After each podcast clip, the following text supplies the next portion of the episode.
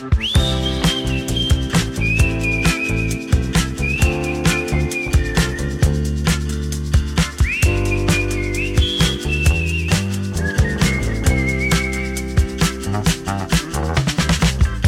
hola. Hola! Què, què tal? Bé, i tu, Andreu, com estàs? Molt bé, passant l'estiu. Sí? Anar tirant, com dèiem en, en l'anterior. Hosti, és que aquestes calorades... Sí, són dures, però són molt millors quan estàs de vacances. Això sí. sí, sí. Sobretot si no tens aire condicionat a la feina. Perquè jo a l'oficina sí que en tinc, però com que encara Ah. faig teletreball i al despatx de casa no hi tinc aire condicionat, clar, és una altra Mm. història. Clar, sí, sí, sí. Es treballa diferent, eh? Sí, Mm. però bé. Tu estàs de vacances ara, m'imagino, no? Sí, ja estic de vacances. Ué! Molt bé. Sí, sí. A més a més, aquest any he plantejat les vacances molt diferent als altres anys perquè normalment sempre tenia com un pla, ja sabia on volia anar, què fer, Mhm. quants dies, a on i tot. I aquest any ha sigut totalment sense pla. Vull dir, no, Carai. no hi ha planificació, no hi ha viatge programat, no hi ha dates, no hi ha res. Uh -huh. I com és que ho has fet diferent? Perquè l'estiu passat eh, el vaig passar una mica tirant a molt malament, perquè vaig estar malalta durant, Clar. durant molts mesos pel tema dels marejos i tot això, i vaig decidir que aquest any no volia cap pressió, cap mena de pressió, zero. O sigui, Mm. ja sé que les vacances normalment no, no són una pressió, però quan tu tens un pla i vols que surti tot bé i no vols que se t'escapi un vol o jo què sé, Clar. 40.000 Sí, coses sí, que sí. poden passar, doncs tot això provoca tensions i vaig decidir que no planejaria res i que seria tot improvisat, que ja ho decidiríem a últim moment i que si em trobava bé i tot anava segons el previst, ja aniríem a fer alguna cosa de tant en tant. Bé, doncs és una altra manera de, de passar les vacances, perquè Sí, no sempre ha d'estar tot planejat al mil·límetre, no? sí, exacte. Jo, de fet, a les vacances que vaig fer, al juliol, juny-juliol, també va ser molt improvisat perquè no vam mirar pràcticament res. O sigui, vam Mhm. comprar unes guies de viatge i ens vam plantar allà sense haver mirat pràcticament res. Llavors vam anar fent. Cada dia, Bé. segons el que ens venia de gust i això, vam anar fent. Sí, sí. Molt I mira, bé. és una manera de, de viatjar o passar les vacances doncs, més relaxat, no? Que d'això es tracta. Sí, Mm. sí, sí. Molt Doncs bé. això, o sigui, a últim moment mirarem a veure si volem fer alguna cosa o no i, i depenent del que ens vingui de gust, doncs farem, farem més dies o menys dies o anirem aquí o anirem allà. Molt bé. Doncs ja passareu fotos dels llocs on aneu al, al Discord i així ens ensenyeu i ens feu enveja. Molt bé. Molt bé. Doncs, Sílvia, estàs preparada pel tema que et porto avui? A veure, quin tema em portes? Porto un tema difícil, eh? Ah, sí? Ai, ai. No, no, no. No, però abans d'entrar en el tema, em sembla que hem de recordar una coseta als nostres estimats oients, oi que sí? Sí, oi tant. No sé si ho sabeu, però estem a punt d'arribar a 115 mecenes, a 115 Mhm. persones de la nostra comunitat, i això significa que quan arribem en aquesta xifra posarem en marxa l'ajuda de vocabulari. Exacte. Aquesta ajuda ja la podeu provar, podeu veure com és amb l'episodi 35, perquè ho vam posar en obert, és a dir, disponible per a tothom, i l'únic que heu de fer és escoltar el podcast des d'una aplicació de podcasting, com ara Pocket Casts, que és la que faig servir jo i la veritat és que la recomano perquè funciona molt bé, o tantes d'altres, i llavors, a mesura que es reprodueix l'episodi, veureu que la portada del podcast canvia cada minut i apareix una llista amb les paraules més importants d'aquell minut i la seva traducció a l'anglès. Perquè us en feu una idea, us recomanem que escolteu l'episodi 35, el de la nit més curta de l'any, i si us interessa, doncs un cop arribem, com ha dit la Sílvia, a 115 membres de la comunitat, ho posarem per a tots els episodis del podcast. Exacte, com ha dit molt bé l'Andreu, aquest episodi el podeu trobar a les plataformes de podcasting o també entrant a easycatalan.fm barra 35 i allà heu de clicar a l'opció de Transcript Player i quan cliqueu a Play us començarà a sortir automàticament aquesta ajuda de vocabulari. Per tant, aquestes ajudes de vocabulari seran per a tots els episodis dels podcasts només disponibles per als mecenes a partir de que haguem superat aquesta xifra. I si voleu, per tant, fer-vos membres de la comunitat, ho podeu fer a través de l'enllaç easycatalan.org barra membership. Tema del dia. Va, doncs Sílvia, com et deia, avui et porto un tema molt difícil. Ai, ai, ai, ai, ai. Andreu, que jo no sóc experta en res, eh? Doncs molt malament, haver estudiat, Sílvia, haver estudiat més... no, no. A veure, com que en aquestes setmanes d'estiu, no? ara que som a ple d'agost, el que ve de gust és hidratar-se i una cosa que va molt bé per hidratar-se és la fruita, doncs avui mm -hmm. vull parlar d'això, de la fruita. D'acord? Que bé! Molt bé, molt bé, m'agrada el tema. Ai, que ve de gust. Sí. Perquè, clar, a veure, aquí a Catalunya tenim molta producció de fruita. Oh, jo sóc de Lleida, allà sobretot el que es cultiva són arbres fruiters, per exemple, presseguers, pomers, mm -hmm. perers, no? Es fa mm molta nectarina, també, mm -hmm. també molta figa. Bé, hi ha, hi ha molta fruita, no? I, i en altres territoris de, de Catalunya i dels països catalans també. I, per tant, això fa que la nostra dieta sigui molt rica en fruita. Mm -hmm. Llavors, començant pel començament, per tu, quina és la millor fruita i per què? És que no puc triar una millor fruita. El problema que tinc amb la fruita és que n'hi ha moltíssimes que m'agraden i m'agraden molt. No és que n'hi hagi una que m'agradi molt més que una altra. Llavors, mm -hmm. depenent de l'estació de l'any, menjo unes fruites o unes altres. Vull dir... Clar. Mm -hmm. Sí, clar, però no tothom ho fa així, eh, Andreu? Vull dir... Sí, clar, perquè ara es pot trobar de tot a, durant tot l'any. A tota hora, sí, exacte. Sí. Mm. Per exemple, no? a l'hivern m'agrada molt menjar peres conferència, que és un tipus de pera mm -hmm. concreta, que és mm -hmm. molt del país.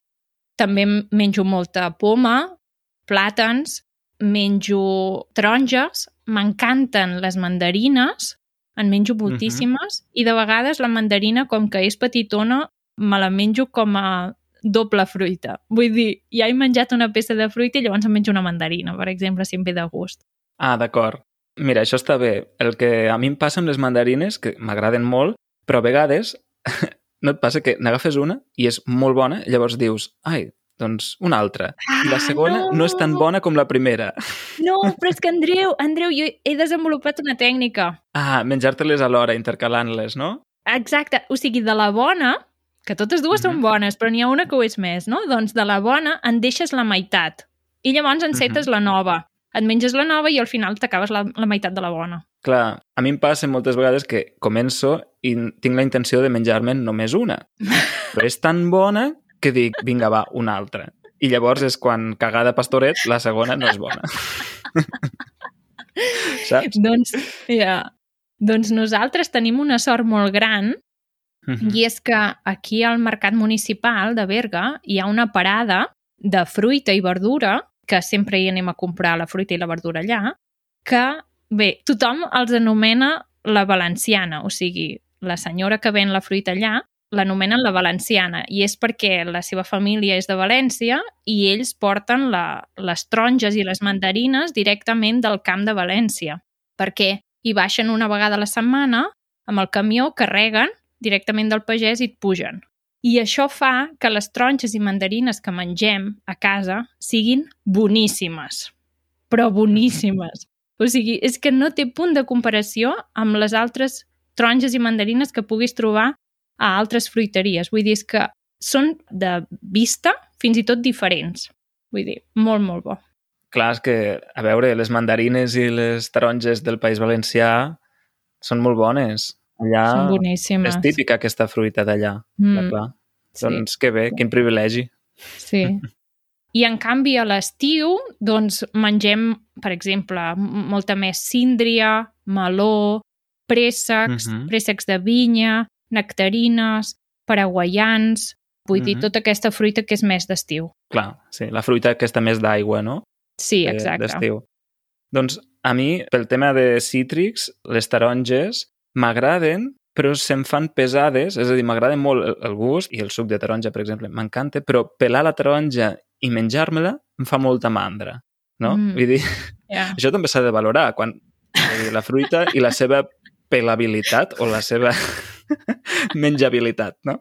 Per tant, per mi la, la taronja té aquest punt de, de, que és una mica difícil de pelar perquè li has de treure la part blanca, Sí, tot i que el Miquel Montoro diu que no s'ha de treure, perquè, clar. és la fibra, no? clar, i que treu els constipats. Però bé, per mi la taronja té aquest problema. I després de les fruites d'estiu, aquestes que has dit, la síndria i el meló, per qui no estigui familiaritzat amb el vocabulari de fruites en català, la síndria és aquest fruit gros, molt gros, que per dintre és vermell, i el meló és el groc, no? Groc verdós. Sí, exacte. Tenen molta aigua, són dolços i són les fruites que van millor a l'estiu perquè són molt hidratants. Mm. Per mi, a l'estiu, la, la síndria, si és bona... Clar, és que totes les fruites, si són bones, són tan bones. Boníssimes, ja. Mm. Mm. Però sí, la síndria i el, i el meló, i després un préssec bo també pot ser una cosa... Oh, brutal. Boníssima. Sí, sí. sí. I llavors hi han unes fruites que són més aviat abans de que comenci l'estiu, per tant podríem dir que són com més de primavera, que Mhm. són les que a casa tenim i per tant ja no comprem perquè ja, ja les tenim per aquí, que són les maduixes i les cireres, que són Mhm. dues fruites vermelles boníssimes, que també quan te les menges són com estar al cel. Sí, la maduixa és el fruit aquest vermell per excel·lència, que és molt bo si te'l menges, per exemple, amb nata o amb iogurt, i les cireres són aquelles que sovint van de dos en dos i te les pots posar a les orelles com a arracades, si vols pel ruc, no? Doncs jo les maduixes me les menjo amb mel. Amb mel? Mm. Sí, Mira, no, no les he menjat mai així. o hi poso una mica de mel o hi poso una mica de sucre o si no soles. A mi m'agraden molt amb suc de taronja, barrejades, Ah, mira. i opcionalment també amb plàtan. Ah, veus? Molt bé, Sí, molt bé. sí, sí, i queden molt És bé. que les macedònies, vull dir, no només barrejar maduixa i plàtan, sinó tot tipus de fruites, totes barrejades, és que és boníssim. I, a més a més, hi ha una cosa que em faig bastants dies per berenar i és agafar tres peces de fruita, les que vegi que estan madures, i un iogurt, i barrejar-ho tot. Tot pelat, triturat Oh. i ja tot barrejat. Buah, boníssim. Boníssim. Molt bo. Mm. Oi. És una cosa que quan he viatjat per altres països on no hi havia potser tanta fruita a l'abast, Mm -hmm. és una cosa que he trobat a faltar, eh? Perquè aquí estem molt acostumats a, a menjar fruita. Sí. Sí, sí. És que és curiós, perquè aquí tenim molt la tradició, per exemple, de menjar fruita després de dinar, després de sopar, no? I llavors també Mm. hi ha gent que en menja per esmorzar i per berenar, però seria Exacte. com que de postres sempre hi ha la fruita, no? Fins i tot si vas als restaurants, a molts restaurants de Mm. postres, o gairebé tots, et diuen fruita del temps. Tenim fruita del temps, no? Llavors, segons l'estació del, de l'any que sigui, et donen a escollir entre una fruita o una altra, com pot ser meló, o plàtan, o poma, o el que sigui. Sí. És curiós perquè hi ha molts països que de postres no mengen fruita. Si estàs Mm. acostumat a menjar dues peces de fruita al dia com a mínim i llavors vas a un país que no tenen aquest costum, doncs és complicat. Sí. De fet, em sembla que els nutricionistes diuen que n'hauríem de menjar fins a 5 peces al dia, no?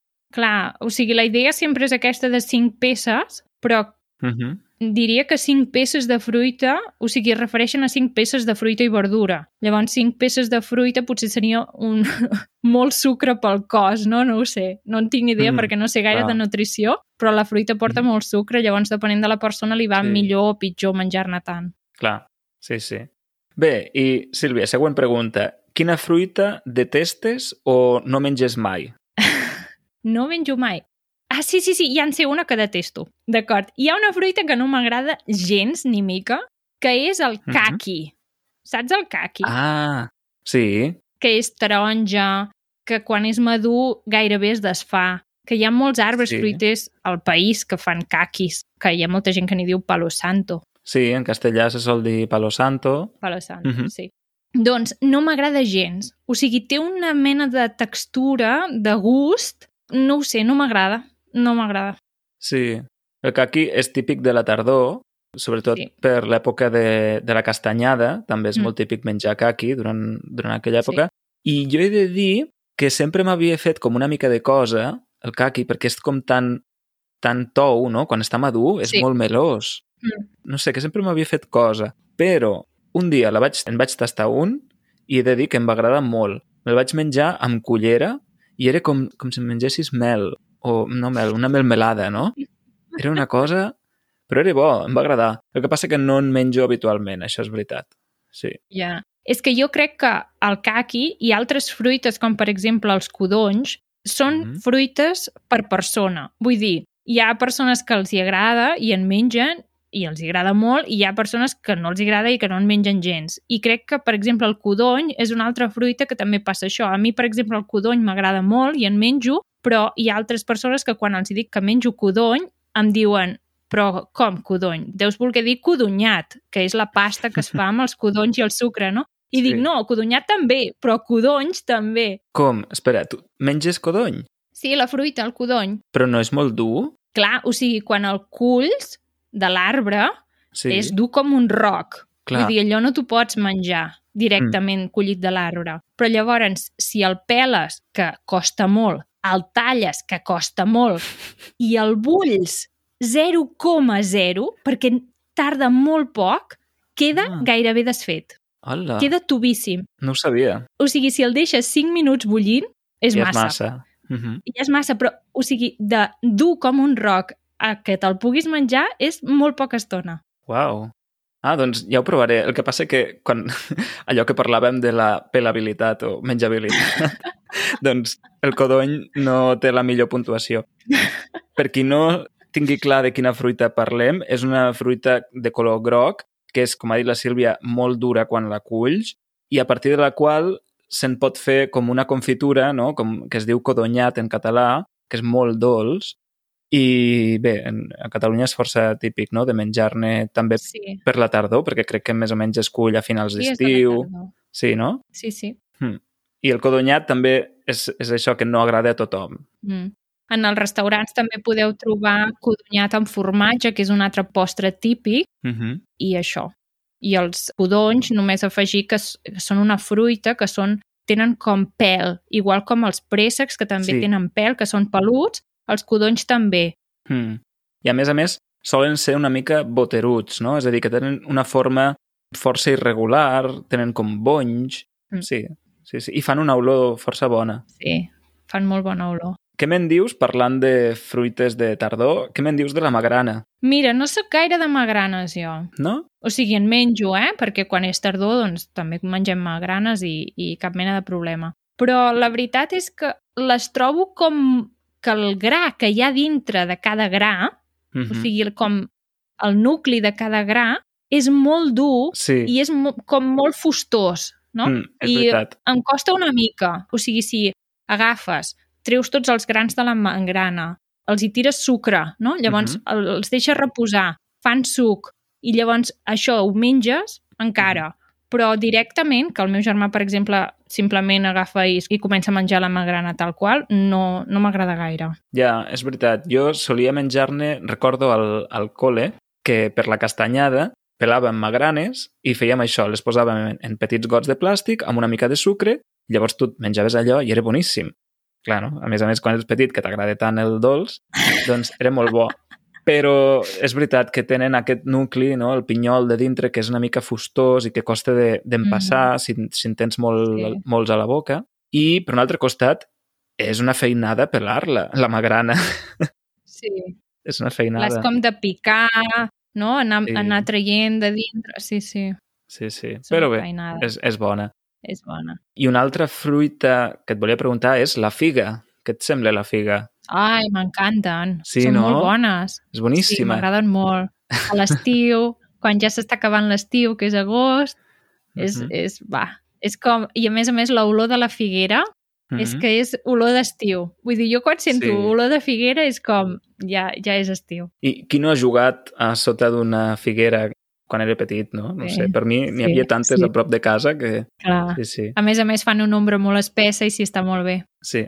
I hi ha alguna fruita que hagis redescobert amb el temps? O sigui, una fruita que potser quan eres petita no t'agradava, però ara sí? Mm, la veritat és que les fruites m'han agradat sempre, vull dir, no, potser no n'hi ha cap que, que no m'agradés, eh?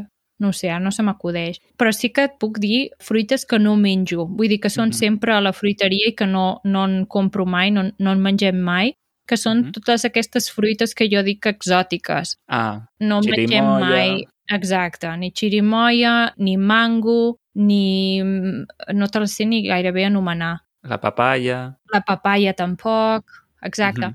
n'hi ha una que s'ha posat molt de moda, que tothom les posa a la, a l'amanida, que és l'alvocat, Sí. Que jo tampoc li trobo el què. Llavors em vaig comprar un dia un i li vaig Sí. dir, sisplau, posa'm el madur perquè el, el vull tastar que ja sigui bo, no? que, que sapiguem Mhm. de veritat que quan ens el mengem és com ha de ser. Mhm. I el vaig tastar, bueno, el vam tastar i ens va semblar com que no tenia gust a res. O sigui, no sé, És el que- vam trobar com... Hi ha gent que se'l menja sol, però jo recomano menjar-lo, diguéssim, amb altres coses. És a dir, pots posar-ne a l'amanida o pots fer-te, això a mi m'agrada molt, una llesca de, de pa sucada amb oli i tomata i després per sobre li poses el bocat, així aixafat amb, Mm. amb la forquilla o si l'has tallat amb, a rodanxes, doncs a rodanxes i Mm. per sobre una miqueta de sal, un polsim de sal i a mi m'agrada posar-li pebre negre. I, ei, està Ah. molt bo. No, no, o sigui, llavors ho vam fer, ho vam barrejar amb d'altres coses, però així tot sol per tastar-lo, per saber però quin gust té, per si sol, no li vam Mm. mm. saber trobar gaire el què. Clar. Però bé, o sigui, hi ha molta gent que compra aquestes fruites i que són molt bones i per tant, endavant. Sí. El problema de l'alvocat és que ara en diuen l'or verd, no sé si ho has sentit, Sí, perquè sí, sí. És, és molt car, de, bé, és costós de, de produir i, al- i al final es reflecteix en el preu, no? Per això és tan cara la peça. Mm. I consumeix molta aigua, la producció de- Mm. d'alvocat, però bé. En fi, Una altra fruita que és típica de tardor, que no me n'he recordat abans, i que ens la mengem per cap d'any també, és el raïm. sí, molt bo, boníssim. T'agrada? Sí? Molt. Sí, sí, a més a més, combina molt bé amb una altra cosa que m'agrada molt, que em torna boig, que és el formatge. Ah, mira. Doncs jo no... He... Mira que he menjat raïm, eh? Perquè a casa també en tenim molts de raïms. Però no l'he barrejat mai amb formatge. No? Doncs proveu. Proveu un tros de formatge i després un, un gra de raïm. D'acord? Ja ho provaré. Bé, potser no t'agrada, però si t'agrada combinar gustos, no? dolç, salat i tal, Mhm. amb el raïm Mhm. combina molt bé. Sí, sí. Ah, veus? Molt bé. Mm. Doncs bé, segur que hi ha moltes altres fruites que podríem comentar. Jo de fruites que no mengi habitualment o que em facin mandra podria dir la pera, que després hi ha peres que són molt No, bones. Espera. És a dir, és una fruita que m'agrada, però no ho sé, em fa mandra. És a dir, no sé com dir-t'ho. De petit no m'agradava i llavors ara em costa comprar-ne. Després n'agafo una, en menjo i dic, n'hauria de menjar més sovint, perquè és molt bona. Clar. Però una mica em passa el mateix amb la poma. La pera i la poma Mm. les trobo una mica avorrides. Sí. Ah. L'expressió de la setmana. És una secció que ve carregada perquè resulta que tenim força expressions relacionades amb la fruita. Ets la pera. Ets la pera, mira, aquesta no la tenia no la tenia a la llista. Què vol dir ser la pera? És que ets la pera llimonera. Ho dic sempre. Ets, una, ets la pera. Això significa que, que ets un desastre, que, que sempre emboliques la troca, que... és que no, no em surt res més que expressions. Sí, però també pot tenir un sentit positiu, no? Com de ets un crac, ets la pera. Aquell tio és, és la pera. Exacte. Has fet una gràcia, no? Has fet una broma, ets graciós i jo, és que és la pera. No? Sí. sí. Això normalment és el típic comentari que fas quan parles d'una tercera persona, no? Quan estàs comen comentant sí. amb algú, estàs parlant d'una tercera persona i dius és, és que és la pera. És, és com dient, és una Mm. persona, no sé, simpàtica, peculiar, divertida, és un cas. Sí. Doncs mira, aquesta n'és una. Jo te'n porto unes altres, per exemple, fer el préssec. Fer el préssec és quedar malament. Vull sí. dir, eh, ficar la pota a la galleda. Dir alguna cosa que no toca en una situació o fer alguna cosa que al final ha quedat molt malament. Sí, o fer una mica el ridícul, no? També té aquest, Sí. aquest sentit del ridícul. De, per exemple, els hi vaig explicar tota la història i quan vaig acabar em van dir que ja la sabien. Vaig fer el préssec, no? Això és fer el préssec. Sí. Fer una mica el ridícul. Molt bé. Una altra expressió és fer figa. Les cames et fan figa, no? Si, mm -hmm. Si per exemple, has corregut durant molts quilòmetres, al final les cames et fan figa, vol dir que no t'aguanten. Exacte. Pots dir les cames em fan figa o també fer figa pot voler dir fer fallida, no? Per exemple, un, un negoci que ha fet figa és que ha fet fallida, que ha deixat de funcionar. Una altra expressió que em fa molta gràcia és remenar les cireres. L'has sentit mai? Sí, clar. Remenar les cireres vol dir com tenir la paella pel mànec, no? Vull dir que que ets el cap, ets el, el qui de veritat pren les decisions i el qui tothom et fa cas per tirar endavant alguna cosa, no? Exacte. A Easy Catalan, qui remena les cireres? No ho sé, perquè jo crido molt però aquí no m'escolta ningú. No, però... A Easy Catalan, el Joan és qui potser hi posa més hores perquè s'hi dedica Sí. ara plenament, però jo diria que qui remena les cireres és la Sílvia.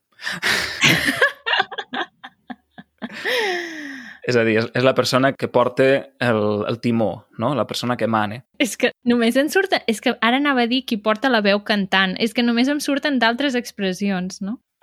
Ai, en fi, és igual. Bé, continuem amb expressions relacionades amb la fruita. N'hi ha una altra que és una comparació i que és molt clara, que és fer uns ulls com unes taronges. M'encanta. Sí. sí, això significa que quan t'han ensenyat o has vist alguna cosa, se t'han obert tant els ulls que semblen Mhm. taronges. O sigui, t'has quedat amb els ulls ben oberts perquè Mm. t'ha sorprès molt alguna cosa. Això mateix, sí, sí. Quan t'has sorprès o quan alguna cosa t'ha impactat, no? t'has quedat estupefacte, doncs fas uns ulls com unes taronges. No? Ara fem ulls com unes taronges quan anem al supermercat i veiem els preus de, de les Sí. coses. O quan veiem el preu Sí. de l'albocat, fem uns ulls com unes taronges. Molt bé. Abans n'has dit una amb la pera, de ser la pera. N'hi ha una altra que és partir peres. No, és que, de veritat, Andreu, o sigui, amb la paraula pera podríem fer només un podcast, només un episodi del podcast dient expressions només amb la paraula pera. Vull dir, n'hi ha moltíssimes. Sí, Però sí, o sigui, partir pera significa que ja no estàs sortint més amb aquella parella que tenies, no? O sigui, si, si Mm. sou una parella i partiu peres vol dir que ja no esteu junts. exacte. És separar-se. Separar-se. I penso que també es pot aplicar en relacions que no siguin de parella, sinó, per exemple, Sí, sí. si són dos, dos socis, dos companys, no? de, dos persones que Mm. tenen un projecte, un negoci en comú i al final cadascú tira per la seva banda, doncs han partit peres. Exacte. Sí. Sí. I un altre amb la pera és tocar la pera. Aquest també el faig servir molt sovint. No em toquis la pera. Això significa que no vols que et molestin, que parin ja de, de dir-te coses o de, o de molestar-te. Sí, sí. Tocar la pera és, és molestar, empipar, emprenyar. Ves a tocar la pera a un altre. que tinc un examen i necessito estudiar. Sí, exacte. Sí, sí. I bé, ja acabant, dues expressions relacionades que s'assemblen però no són ben bé el mateix. Una és venir de l'hort. Mira, aquí a casa en diem dues Mhm. relacionades amb venir de l'hort. Una és venir de l'hort, que significa que no t'enteres de res, no t'assabentes de res, t'estan parlant d'una cosa i estàs pensant en una altra, Mhm. vens de l'hort, o sigui, no, no saps de què t'estan parlant. Mhm. I l'altra, que fem servir quan és aquesta situació, Baixar És- de la figuera. baixar de la figuera, exacte, sí, molt bé. Sí. Aquesta és molt És bona. l'altra que Baixar de la tenies, figuera. o no? Sí. Ah, d'acord. Sí, sí. Clar, volen dir això, no? Quan algú està despistat, que no s'adona de res, no, no està al cas de les coses, doncs és que està dalt de la figuera o, o que ve, ve de l'hort. No? Per això diem, quan algú de sobte aterre i diu, però què passa? O de què esteu parlant? Li dius, què? Vens de l'hort? O, mira, el que baixa de la figuera. Sembla que vinguis de l'hort. Sí, exacte. Sí, sí, sí. Això li dèiem sempre al meu germà, perquè el meu germà té un món interior molt gran, D'acord. per dir-ho bé, i, i és típic, típic, que estàvem a taula parlant, havíem, no sé, explicat una cosa, i de cop ell feia la pregunta inicial, no?, de, i això? No sé què. I di- dius, home, ara baixes de la figuera, ho acabem de dir. Sempre, sempre, sempre. Ai, per favor. Són molt bones. Bé, doncs, de fet, tenim moltes més expressions relacionades amb el menjar, però com que avui hem parlat de fruites, doncs només he triat aquestes, que ja són unes quantes, i que són específiques mm, sobre fruites, no? Llavors, doncs res, crec que Molt podem bé. deixar l'episodi aquí Genial, fantàstic. i continuem ara el bonus tu i jo una estoneta. Exacte, que encara em falten moltes fruites per dir-te, Andreu. D'acord. Doncs vinga, que vagi molt bé i fins ara. Fins ara. Adeu. Adeu.